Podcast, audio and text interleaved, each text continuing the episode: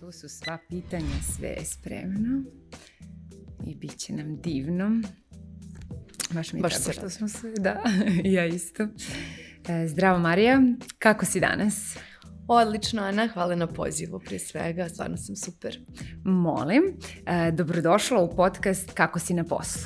E, Hvala. Za početak da te predstavim. E, Marija Beranović je preduzetnica, wellness konsultant i vlasnica agencije za masaže na kućnu adresu.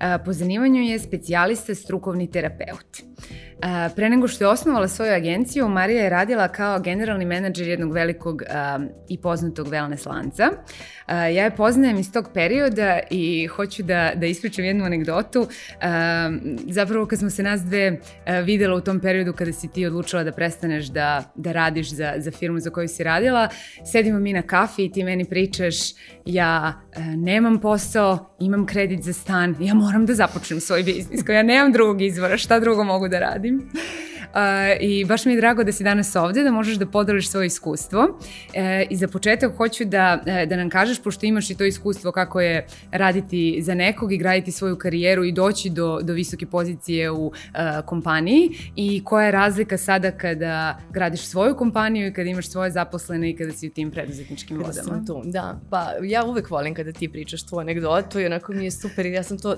tada kada sam to rekla, zaista sam to i mislila i to je bilo u, u tom trenutku za mene je to bilo jedino rešenje koje sam ja ovaj, mogla da vidim. I ovaj, drago mi da ti često prepričavaš svoju anegdotu i jeste onako, e, da kažem, glavni razlog kako je cela, cela ova priča počela. E, sada kada si me malo vratila u to neko vrijeme ranije i da kažem sada dve godine kasnije od kako imam svoju firmu, e, kada pogledam to vrijeme e, dok sam radila u kompaniji i sada kada pričamo o samom poslovanju, ja e, ne mogu da ti kažem da postoji neka velika razlika. Ja sam radila na vodećoj poziciji, bila je velika firma, imala sam veliki tim, u tom trenutku to je bilo nekih 80 ljudi, nekih uh, pet ili šest uh, menadžera koji su bili usko u svakodnevnoj saradnji sa mnom i uh, svako je tu imao svoje zaduženja, svoje radne obaveze i tako dalje. Tako da u tom smislu mogu da kažem da mi je bilo lakše zato što nisam morala sav posao da radim sama. Imala sam tim koji mogu da delegiram, da podelimo to poslovanje i tako dalje. Sada nemam to i dalje, tako da dobar deo posla kada je sama organizacija i vođenje firme radim sama, ali odgovornost je i bila tu i sada je tu. I ta, sam taj osjećaj da si odgovoran i za sve te ljude, za to poslovanje, to je ono što sam imala i, i u firmi u kojoj sam radila, to je ono što, što imam i sada u svojoj firmi. E, a kako si se ovaj, onda odlučila, zašto nisi onda prešla da radiš ponovo u neku firmu, nego si, nego si os- osnovala svoju? Aha.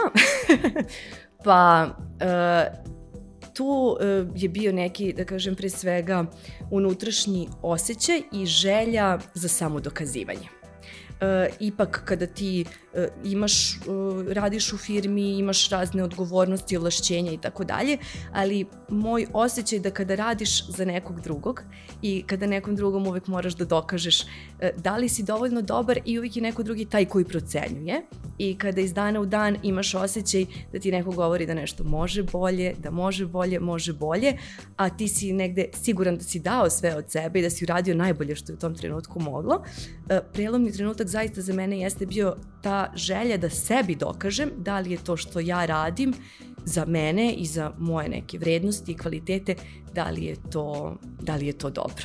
Tako da, eto, ako bi morala da izdvojim jednu stvar, to je onda taj lični osjećaj i želja da sebi dokažem da li je to što ja radim i u šta ja verujem, da li je to zaista dobro. A šta je bio razlog? Mislim, možda, verovatno mnogo ljudi koji onako gledaju sa strane i koji znaju gde si bila i, i šta si radila, e, su mislili da je ludo što si ti ono prosto odlučila da odeš odatle i da, i da ono kao uđeš u svoj biznis, a naravno ne znaš da li ćeš uspeti unapred ili ne. E, šta je bilo, šta su bili razlozi e, zbog čega si ti došla do te odluke? Mislim, verujem da nije bio samo jedan, da, da to kako obično biva su ono kao razne kapljice koje dugo, dugo kaplju, ali šta je bilo kod tebe Ključno. slučaj da, da, da Da, odeš pa iz svi su mislili? Da je ludo. Zaista su svi mislili da je ludo. Ja sam u tom trenutku mislila da je ne mogu da kažem ludo, ali nisam očekivala da ću doneti takvu odluku. Ja sam osam godina bila u toj kompaniji iz koje sam otišla i u tom trenutku nisam čak ni razmišljala da će se tako nešto desiti. Prosto bio je jedan sastanak koji je meni, mogu da kažem, napravio taj osjećaj koji mogu da kažem da je bio kap u čaši gde sam ja shvatila šta je ono sa čime ja više ne mogu da se nosim, a opet ću se vratiti, to je taj osjećaj da nešto ne radite dovoljno dobro. Mm -hmm. I ja sam u tom trenutku imala 31 godinu mm i uh, prvi put sam zaista verovala u to što ja radim i rezultati su govorili u korist tome i tim s kojim sam ja radila je govorio u korist tome da je to što mi radimo dobro. Međutim, kada imate neku osobu iznad sebe, da li je to vlasnik mm te mhm. kompanije ili šef, direktor i tako dalje, ja sam bila generalni menadžer, tako da je to bio mhm. vlasnik, uh, a on ima apsolutno puno pravo da nije zadovoljan rezultatima koje njegov tim mhm. postiže, a ja sam negde mislila da je to zaista dobro. I uh, taj trenutak i ta želja za dokazivanjem su u stvari meni bili vetar u leđa da sam u sebe istestiram. Postojali su naravno i mogućnost da ja pređem opet na vodeću poziciju neki drugi wellness centar i kod nas i u regionu i naravno da su bile, da je bilo ponuda jer mm -hmm wellness industrija kod nas nije toliko razvijena i nema, da kažem, sada ne znam koliko stručnjaka iz te oblasti, tako da je bilo lako naći posao u nekoj drugoj kompaniji i tako dalje, ali meni je u tom trenutku trebala ta e, lična satisfakcija i da sebe istestiram. Mislila sam da je to možda nije bio najbolji mogući trenutak iz nekih mm -hmm. drugih razloga, baš to kao što si rekla, ali sam ja osjećala da sam spremna i to je meni bilo potrebno da ja sama dokažem sebi da li, da li mogu i koliko mogu. Super i bravo za, za odluku i za hrabrost. Hvala ti. A pošto si rekla da, da je dosta, da kažem, slično, mislim ti i dalje ono jednako i mnogo si radila tad i mnogo radiš sad, tad si imala i veći tim, sada ti ti malo manji i gradiš ga e, sve više i više. E, šta je ono što, što je stresno i što ti je stvaralo pritisak kad radiš za nekog i kako se to razlikuje od možda stresa i pritiska koji imaš sada? Da li je to isti, e, isti nivo stresa i pritiska ili ne? Ne, Ne, nije. Uh, ja sam ta osoba koja uvek daje maksimum i daje najbolje od sebe i da li sam radila za drugog ili radim za sebe, radila sam najbolje što mogu onako kako ja mislim da je najbolje.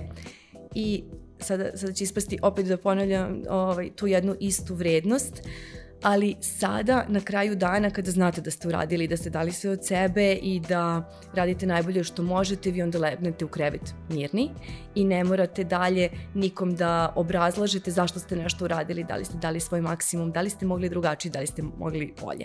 Legnete umorni, ali znate da ste dali sve od sebe i mirni ste sa tim svojim osjećajem. Uradili smo, donelo je rezultate ili nije uradilo rezultate, sutra ćemo uraditi drugačije, ali si miran jer si negde dao svoj, dao svoj maksimum.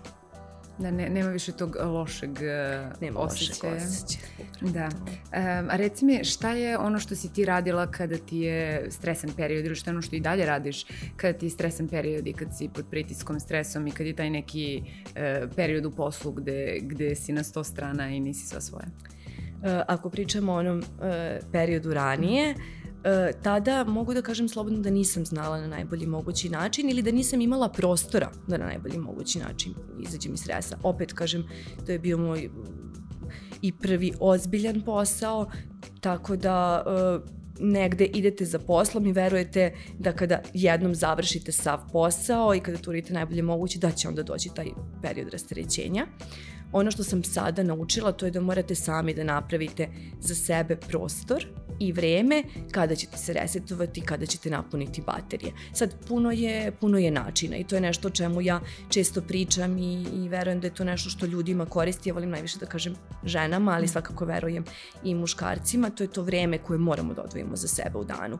E, da li je to minut, da li je to pet minuta, da li je to deset minuta, da je to neko vreme koje ćemo da odvojimo za sebe u danu i da uradimo nešto što je za nas u redu. Svi ti taskovi su ok, sve će biti određeno i obavljeno i tako dalje, ali uh, mislim da taj minut, 5 minuta, 10 minuta kada ćemo popiti čašu vode, uh, malo disati, uh, opružiti se, prošetati, otvoriti prozor, provetriti pro prostoriju, verujem da to može mnogo više da nam koristi nego da ulazimo iz uh, sastanka u sastanak, iz uh, telefonskog razgovora u telefonski razgovor, a bez da napravimo taj predah. Verujem da je, da je to zaista važno. Da, i korisno. Um, a reci mi e, šta je još, pošto rekla si da to ranije nisi imala vremena za sebe i nisi odvajala vremena za sebe, jer si ono mislila da moraš da, da stalno radiš i da stalno budeš tu. Koje su još to neka uh, pogrešna uverenja koja, mislim, sad znaš da su pogrešna, a tada dok, dok si bila u, celom tom svetu i, i u poslu kao onaj hrčak na traci, uh, nisi videla. Šta je to što, što možda i mnogi naši uh, slušaoci uverenja koje i oni imaju, a koje zapravo su pogrešne i gde sad znaš da može i treba drugačije. Da može drugačije. Pa ono uh, gde sam ja nastojala, to je bilo da u svakom trenutku moram da ispunim nečije očekivanja. Uh, kada ste na menadžerskoj poziciji, uh, verujem da svi imamo negde taj osjećaj da uh, osoba koja je opet meni nadređena, da mora da bude zadovoljna mojim rezultatima, a sa druge strane ako želim da moj tim bude dobro, oni imaju neka očekivanja.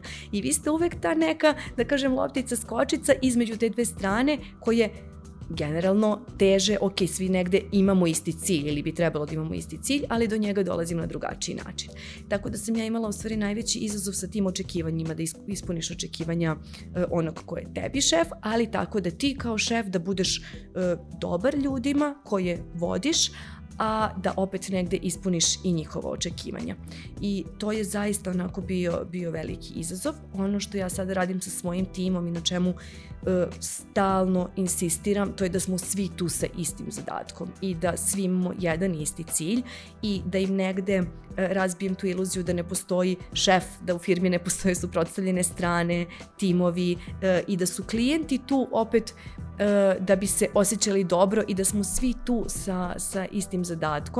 Tako da mogu da kažem da je taj u stvari dobar osjećaj nešto što mislim da je preduslov, pogotovo kada su delatnosti, verujem za svaku kompaniju, ali pogotovo kada su delatnosti uh, koje se svode na, na uslugu i na rad sa ljudima, verujem da je, da je ta energija koju nosimo da je ključna i zaista verujem da kada su zaposleni dobro, da se onda to dalje prenosi i na klijenter. Naša firma raste, ja u ovom trenutku ne mogu da budem u kontaktu, jako bih volela, ali ne mogu, mogu da se obratim kroz Instagram, društvene mreže i tako dalje na ovaj način, da se obratim i klijentima, ali moji zaposleni su neko s kime sam i u svakodnevnoj komunikaciji.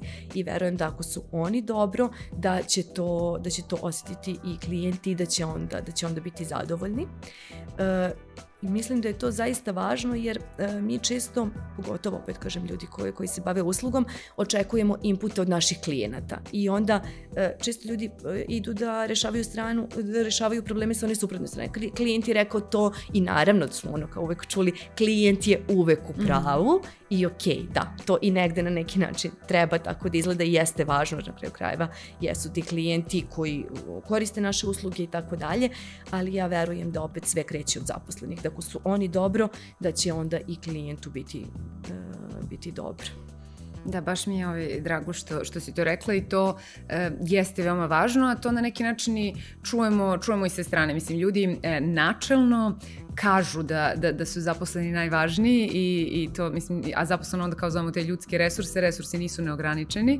Um, šta je ono što, uh, mislim, ti si rekao, vodiš računa o tome da se svi osjećaju da imaju isti cilj i sve, ali šta su i da li imate vi neke konkretne, uh, ne znam, ono, timske rituale ili stvari na koji način ti se staraš da, da tvoj tim zna šta su ciljevi, da su oni zadovoljni i da i da se dobro osjećaju i da nisu pod pritiskom pod kakvim si ti ovaj, mogla bila, da... da, da. Bila. E, pričamo dosta.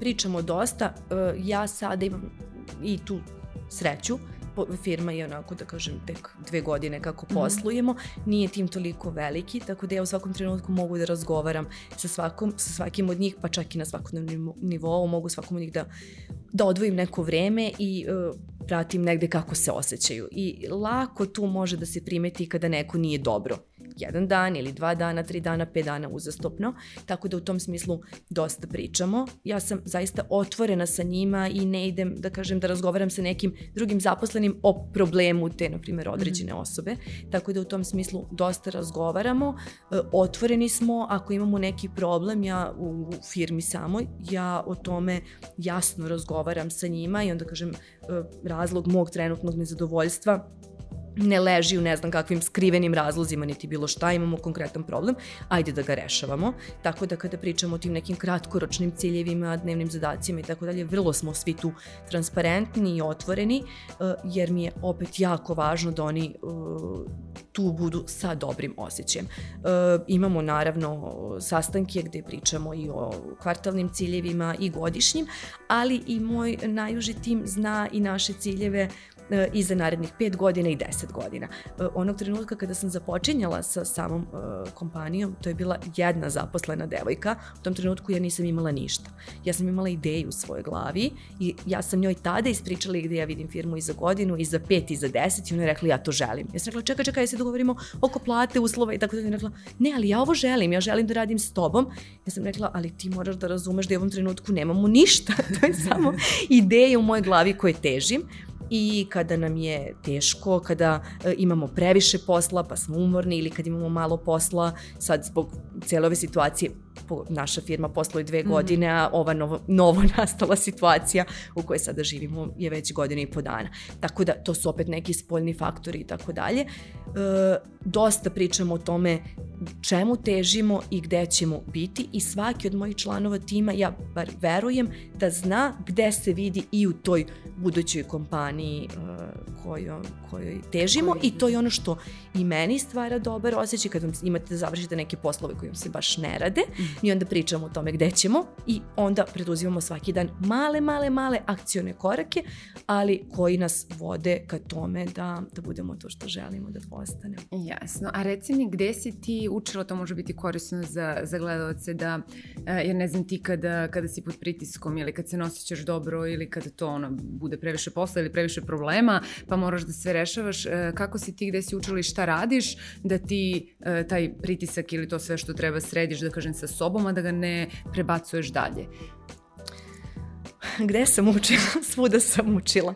Svuda sam učila i to je nešto na čemu što jeste bila moja, mogu da kažem, životna tema, jer ja sam sa 25 godina e, dobila već vodeću poziciju u prethodnoj kompaniji. E, dobila prvi anksijezni napad, prvi panični napad, na poslu sam provodila između 16 i 20 sati. Zato što je to bio moj način da kontrolišem situaciju. Verovala sam da ako sam stalno tu, da ću sve držati pod kontrolom, da ću biti ono jedan mali vatrogasac koji ide i redom uh, gasi požare, zakopava rupe i tako dalje. Uh, I to jeste zadnjih pet godina, sad već sedam, bila moja tema kako da e, mlada sam, želim, hoću, ali moram negde i da sačuvam sebe. Tad sam mislila da sam jedna neiscrpna mašina koja nikada ne može da se pokvari. Tako da sada učim od raznih ljudi kroz e, YouTube kanale, podcaste i tako dalje, ono što me zanima. Tako da ne bih sada mogla da kažem konkretno jedan, jedan kanal, ali ono što svakako može da bude korisno, ja se uvek vraćam na te vežbe disanja i smatram da je to onako instantrašnje ljudi možda nekad nemaju vremena da treniraju, nemaju vremena da izađu u prirodu i ja to mogu da razumem jer kažem, bila sam tu kada zaista nisam imala vremena, dolazila sam u situaciji da moji bliski prijatelji, čak i porodica moraju da dođu na moj posao da bi me videli, jer ja sam zaista živela u tom uverenju da ja nemam vremena da od posla uradim bilo šta drugo i onda su to stvari koje se malo po malo menjaju. Mislim da je prvo bitno da ljudi to negde osveste. Da uh, su svom svojom i snagom i energijom i fokusom i emocijama usmereni na jedan segment i da onda to polako kada prepoznaju da gledaju da li to može da bude tako i za dve godine i tri godine i pet godina i da onda ovaj se malo po malo menja. Tako da ja uvek, ajde da kažem, ako bi jednu stvar morala da, uh, da izdvojim, to bi svakako bile vežbe disanja dok smo na sastanku, mm -hmm. dok se spremamo na sastanak, dok pišemo neki važan mail, dok spremamo neki ugovor s nekim klijentom da proverimo da li dišemo. Mm -hmm.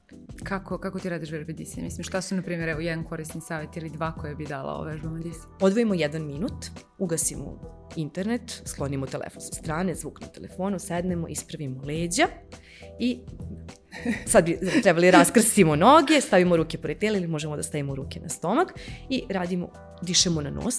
Često mm -hmm. ljudi dišu na usta. Mm -hmm. Možeš nekada često iš kad su neki sastanci, kad je neko onako uzavrela atmosfera da su ljudi sa otvorenim ustima dišu na usta. Ne, zatvorimo usta i uradimo udah na nos, izbrojimo do pet i izdah na nos, izbrojimo do pet i to ponovimo pet puta je sasvim dovoljno. I to nas smiri. To nas smiri, to nas vrati u trenutak. Shvatimo gde smo, šta radimo, da li smo gladni, da li smo žedni, e, da li nam se možda ide u toalet. I to je nešto što nas vrati u sadašnji trenutak, što nam malo, da kažem, tu fiziologiju u telu e, izbalansira i mislim da je to za početak dovoljan korak. Ne bih išla dalje iz prostog razloga zato što mm. verujem da i ovaj jedan korak sigurno može da bude koristan. I ova vežbica niko ne može da kaže da nema jedan minut. Mm. Ja mogu opet da razumem da neko kaže nemam 10 minuta, nažalost mogu da razumem, bila sam tu, ali jedan minut, da li dok smo u liftu, da li da dok čekamo sastanak počne, niko apsolutno ne mora ništa da primeti, sedite, pravih leđa, zatvorenih usta čekate sastanak počne i fokusirate se na disanje. Ili dok neko drugi govori, ok, mm -hmm. slušamo ga,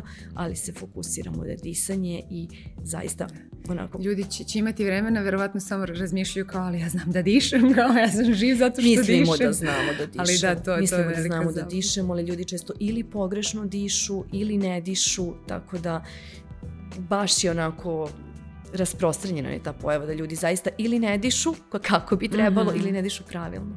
Da, da, da, da toga nisu ni svesni. Nisu tako ni da svesni. Da, kada, kada probaju, vidjet će, vidjet će razliku. Ja koristim inače to kad legnem da spam pa mi misli krenu da lutaju i onda krenem samo se fokusiram na, na disanje. Vidiš, ovo nisam ni, ni znala pošto se ne, ne bavim time, ali, ali ovaj, kad da. hoću da se uspavam i da ugasim mozak, samo fokus na, na, na disanje. disanje i lakše zaspiš sigurno. Da, da, da. Dosta ljudi ima problem i sa nesanicom jer onda mm -hmm. kreću sve te misli šta nisam završio, šta me yes. čeka sutra i tako dalje. Samo disanje i yes, yes. naspavamo se. A mi nismo ovaj mašina koja se ne kvari, kako si to malo pre rekla. I dopalo mi se baš ove što si spomenula, ono još jedno to uverenje gde ono ja moram da budem prisutna uvek i svuda, jer moram da gasim požare, ako ja nisam tu, a ja sam odgovorna i menadžer za sve to, i to će sve da, da, da, da propadne. Da. A sada imam drugu, a sada u stvari imam drugi način, uradila sam skroz suprotno. Kada je neka situacija, kada uh, dugo vremena se ništa ne dešava novo u firmi, razvoj ne ide kako bih ja htela i tako dalje, ono što meni super koristi sada da se skloni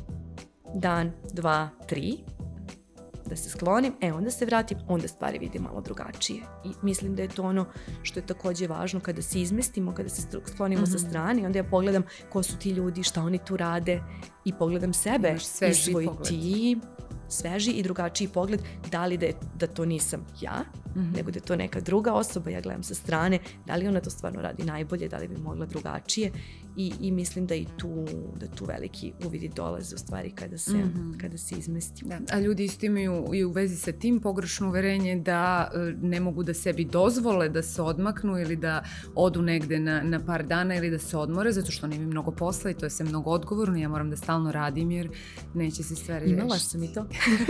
imala da. sam i to, imala sam i to i upravo zato mislim da mogu da kažem ovako neke stvari. Mm -hmm. ja kada sam otišla iz prethodne kompanije imala sam 51 dan uh, propalih godišnjih odmora za zadnje tri godine.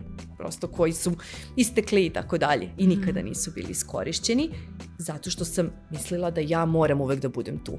I onda se desi jedan sastanak gde vi shvatite da da ne morate da budete tu i da će sve da nastavi da funkcioniše iako niste tu. I uh, onda krenete neke stvari da gledate drugačije. Tako da svako, da kažem, kome je ili prvi posao ili na nekoj poziciji gde želi da se dokaže i tako dalje, mislim da, da je zaista važno da cenimo svoju vrednost i svoje vreme, jer ako mi to radimo, onda će to raditi, onda će to raditi i drugi ljudi. E, onog trenutka kada ste non stop tu i kada ljudi krenu da vas uzimaju zdravo za gotovo, verujem da koji god rezultat da napravite, da možda nikada neće biti, nikada neće biti dovoljno dobar. Da, tu si, tu si u pravu. Evo, ovaj, dok, si, dok si još ovdje i dok još traje emisija, hoću da podeliš sa uh, gledalcima još nekoliko savjeta iz tvojih oblasti, pošto Dobro. svi bavite masažama i koristite ona lepa eterična ulja. Ja se u to ne razumem uopšte, ali evo, ako neko hoće da, uh, da se opusti ili ima to stresan period, stresan dan, uh, koja, na primjer, ulja su konkretno dobre za šta i zbog Dobro. čega i šta Dobro. su njihova dejstva uh, i koja, na primjer, masaža kog dela tela ili šta je u tom trenutku korisno? Što može da koristi? Aha. Pa evo da se vratimo na ovo disanje. Oni tu vežbicu disanja mogu da iskombinuju sa nekim eteričnim uljem. Mm -hmm. Ako imaju kancelariju, difuzer ili neku činicu sa, sa uh, vodom, pa da u nju stave par kapi mm -hmm. eteričnog ulja. Sad, ima dosta eteričnih ulja, ja ne bih sad da rasplinjujem, mm -hmm. ali evo mogu da kažem, na primjer, 3, 4, 5 mm -hmm. najkorisnijih. Tri. Ono što, tri. Ono što svakako mogu da koriste u, na poslu, ako pričamo o tom segmentu mm -hmm. i toku radnog dana, ruzmarin je odličan zato što za 75% povećava funkciju naših moždanih aktivnosti. Vraća nam fokus, da, i odličan je. Ako trebate, došli ste na posao, e, niste se još razbudili, kafa ne pomaže i tako dalje, ruzmarin je odličan. Tu, u tu grupu mogu da stavim ko, na primjer, ne voli miris ruzmarina, tu su mm -hmm. nana i limun. Tako da, ulja su tako, imaju sličnu namenu i ne mora da mi ne prije ruzmarin, pa neću da koristim. Tu je mm -hmm. nana, tu je limun koji isto deluje. Ako mi treba da se opustim, tu je lavanda koje mogu da iskoristim za kraj radnog dana ili kod kuće ili uveče, to što si ti navela pred spavanje, mm -hmm. ne mogu da se uspavam, hoću da uradim vežbicu disanja, onda to može da bude lavanda. I ono što ja verujem da je svakako dobar izbor, to su citrusi citrusna ulja, bilo koje, da li je pomoranđa, da li je limun, da li je bergamot, mandarina, to su ulja koja nam opet podižu energiju i tako dalje. E, ono što sam ja, evo, pošto je ovo moje prvo gostovanje u, u i u podcastu i ovoj vrsti, da kažem, emisije, ja sam za danas iskoristila bergamot, zato što on popravlja samopouzdanje, podiže energiju, smanjuje anksioznost, ima predivan miris, tako da nekada umesto parfema mogu da stave, mogu da stave eterična ulja na pulsne tačke i uh, zaista Ma vidjet će rezultate, da, da. zaista vidjet će rezultate. rezultate. da, tako da eto, to je, to je to je možda nešto mm -hmm. osnovno što, bi, što bih mogla da izvojim kad su eterični u pitanju. Što si me pitala za samu masažu, Hm, pa uvek mogu da urade neku samu masažu. Da li će da izmasiraju neke pulsne tačke na, na šakama, e, da li će da izmasiraju slepočnice, da ove tačke ovde unutar ugla e, oka i mhm. nosa mm. malo da se pritisnu ili malo da se protegne vrat u jednu drugu stranu. Bitno je samo da se malo ta e, cirkulacija, da se malo cirkulacija da se malo pokrene. Opet odvojimo, onako bar, bar na kratko. Da. Ako ne možemo na tri dana, onda bar možemo na tri minuta. Na tri minuta. da. E, dobro, reci mi e, za kraj koje su to, na primjer, e, tri načina e, kojim ti sada sebe to smiruješ i, i nalaziš svoj balans i održavaš sebe psihički i fizički zdravo i šta je ono što preporučuješ nas, našim slušalcima da i oni mogu da rade? U, pa sad ima puno načina. ja sam se onako vrlo fokusirala na to da sam ja dobro i da je moj tim dobro, tako da dosta i razmišljam o tome i dosta pričam o tome. Ono što je neminovno, to je boravak u prirodi kada god mogu, da li je to šetnja pod reke, hvala Bogu, ima, ima gde da se uh, šeta, da li su to vežbe disanja, da li je masaža, uh, da li je meditacija, čitanje, ali uh, čak ne, ok, ja svakako volim da čitam biznis mm -hmm. knjige, ali čitanje sada uzmem i nađem vremena i srećna sam što sam našla vremena da čitam neki onako roman koji nekad se pitam da li mi je sad baš u ovom trenutku potrebno, ali mi je okej okay i što mi nije potrebno da odvojim to neko, da odvojim to neko vreme za sebe. Tako da čitanje, šolje toplog čaja pred spavanje Uh, jutro priprema za, za posao za radni dan bez telefona, priprema za spavanje bez telefona. Uh, previše vremena smo u tim nekim aktivnostima koje nam se podrazumevaju i sada učim da je skroz ok, ok ne raditi ništa. Da ako sam u kolima da samo mogu da vozim i da slušam muziku i da ne moram da pogledam notifikaciju na telefonu, da ako sam sat vremena otišla sa prijateljicom na kafu ili na ručak da je skroz ok da isključim internet, ne moram baš da ugasim telefon jer možda imati neki jako važan poziv, ali je skroz ok da dopustimo sebi tih sat vremena da smo tu i da uradimo nešto što nam se, što nam se u tom trenutku radi da se malo isključimo da bismo se bolje povezali, što bi se reklo. Jeste, jeste. Upravo to juče sam baš imala priliku da budem u teretani sa jednom prijateljicom koji dalje u korporaciji moj trening je trajao nekih 40 minuta, ali ja kada idem sada na trening isključim internet i dalje ne gasim zvuk jer je kompanija mm. mlada i dalje ja naravno imam taj osjećaj možda će im nešto zatrebati, možda će me zvati, ali isključim internet bar da me notifikacije da mi ne odlače pažnju. Moj trening je trajao 40 minuta. Ja verujem da 40 minuta u danu skoro svako može da nađe. S druge strane je bila ona koja radi u korporaciji koja je provela u toj teretani sat vremena, ali od toga 40 minuta morala da siđe sa trake, da prekine mhm. vežbu, da bi se javila na telefon i tako dalje. Tako da verujem da malim koracima, neka je to 5 minuta u danu, pa 10, pa pola sata, da probamo da se, da se isključimo od telefona, od notifikacija, od maila, da, da ako ne proverimo mail uveče pred spavanje i ako pustimo da ga proverimo ujutru ili tek kada dođemo na posao, da neće ništa strašno da se dogodi, a nas će, nas će to sačuvati. Da, hvala ti mnogo. Ovo hvala sve je bilo vrlo, vrlo korisno i hvala ti na gostovanju. Hvala tebi, hvala tebi na pozivu. Ja sam zaista uživala i nadam se da, da iz svega ovoga da će biti nešto korisno za, za tvoje slušalci i gledalce. Biće. Hvala ti, a mi se vidimo za nedelju dana na istom mestu. Super ti funkcioniše taj tvoj bergamot. to samo pouzdanje. Kako je bilo? ide super. super. Si zadovoljna? Da, da. Jesam, jesam.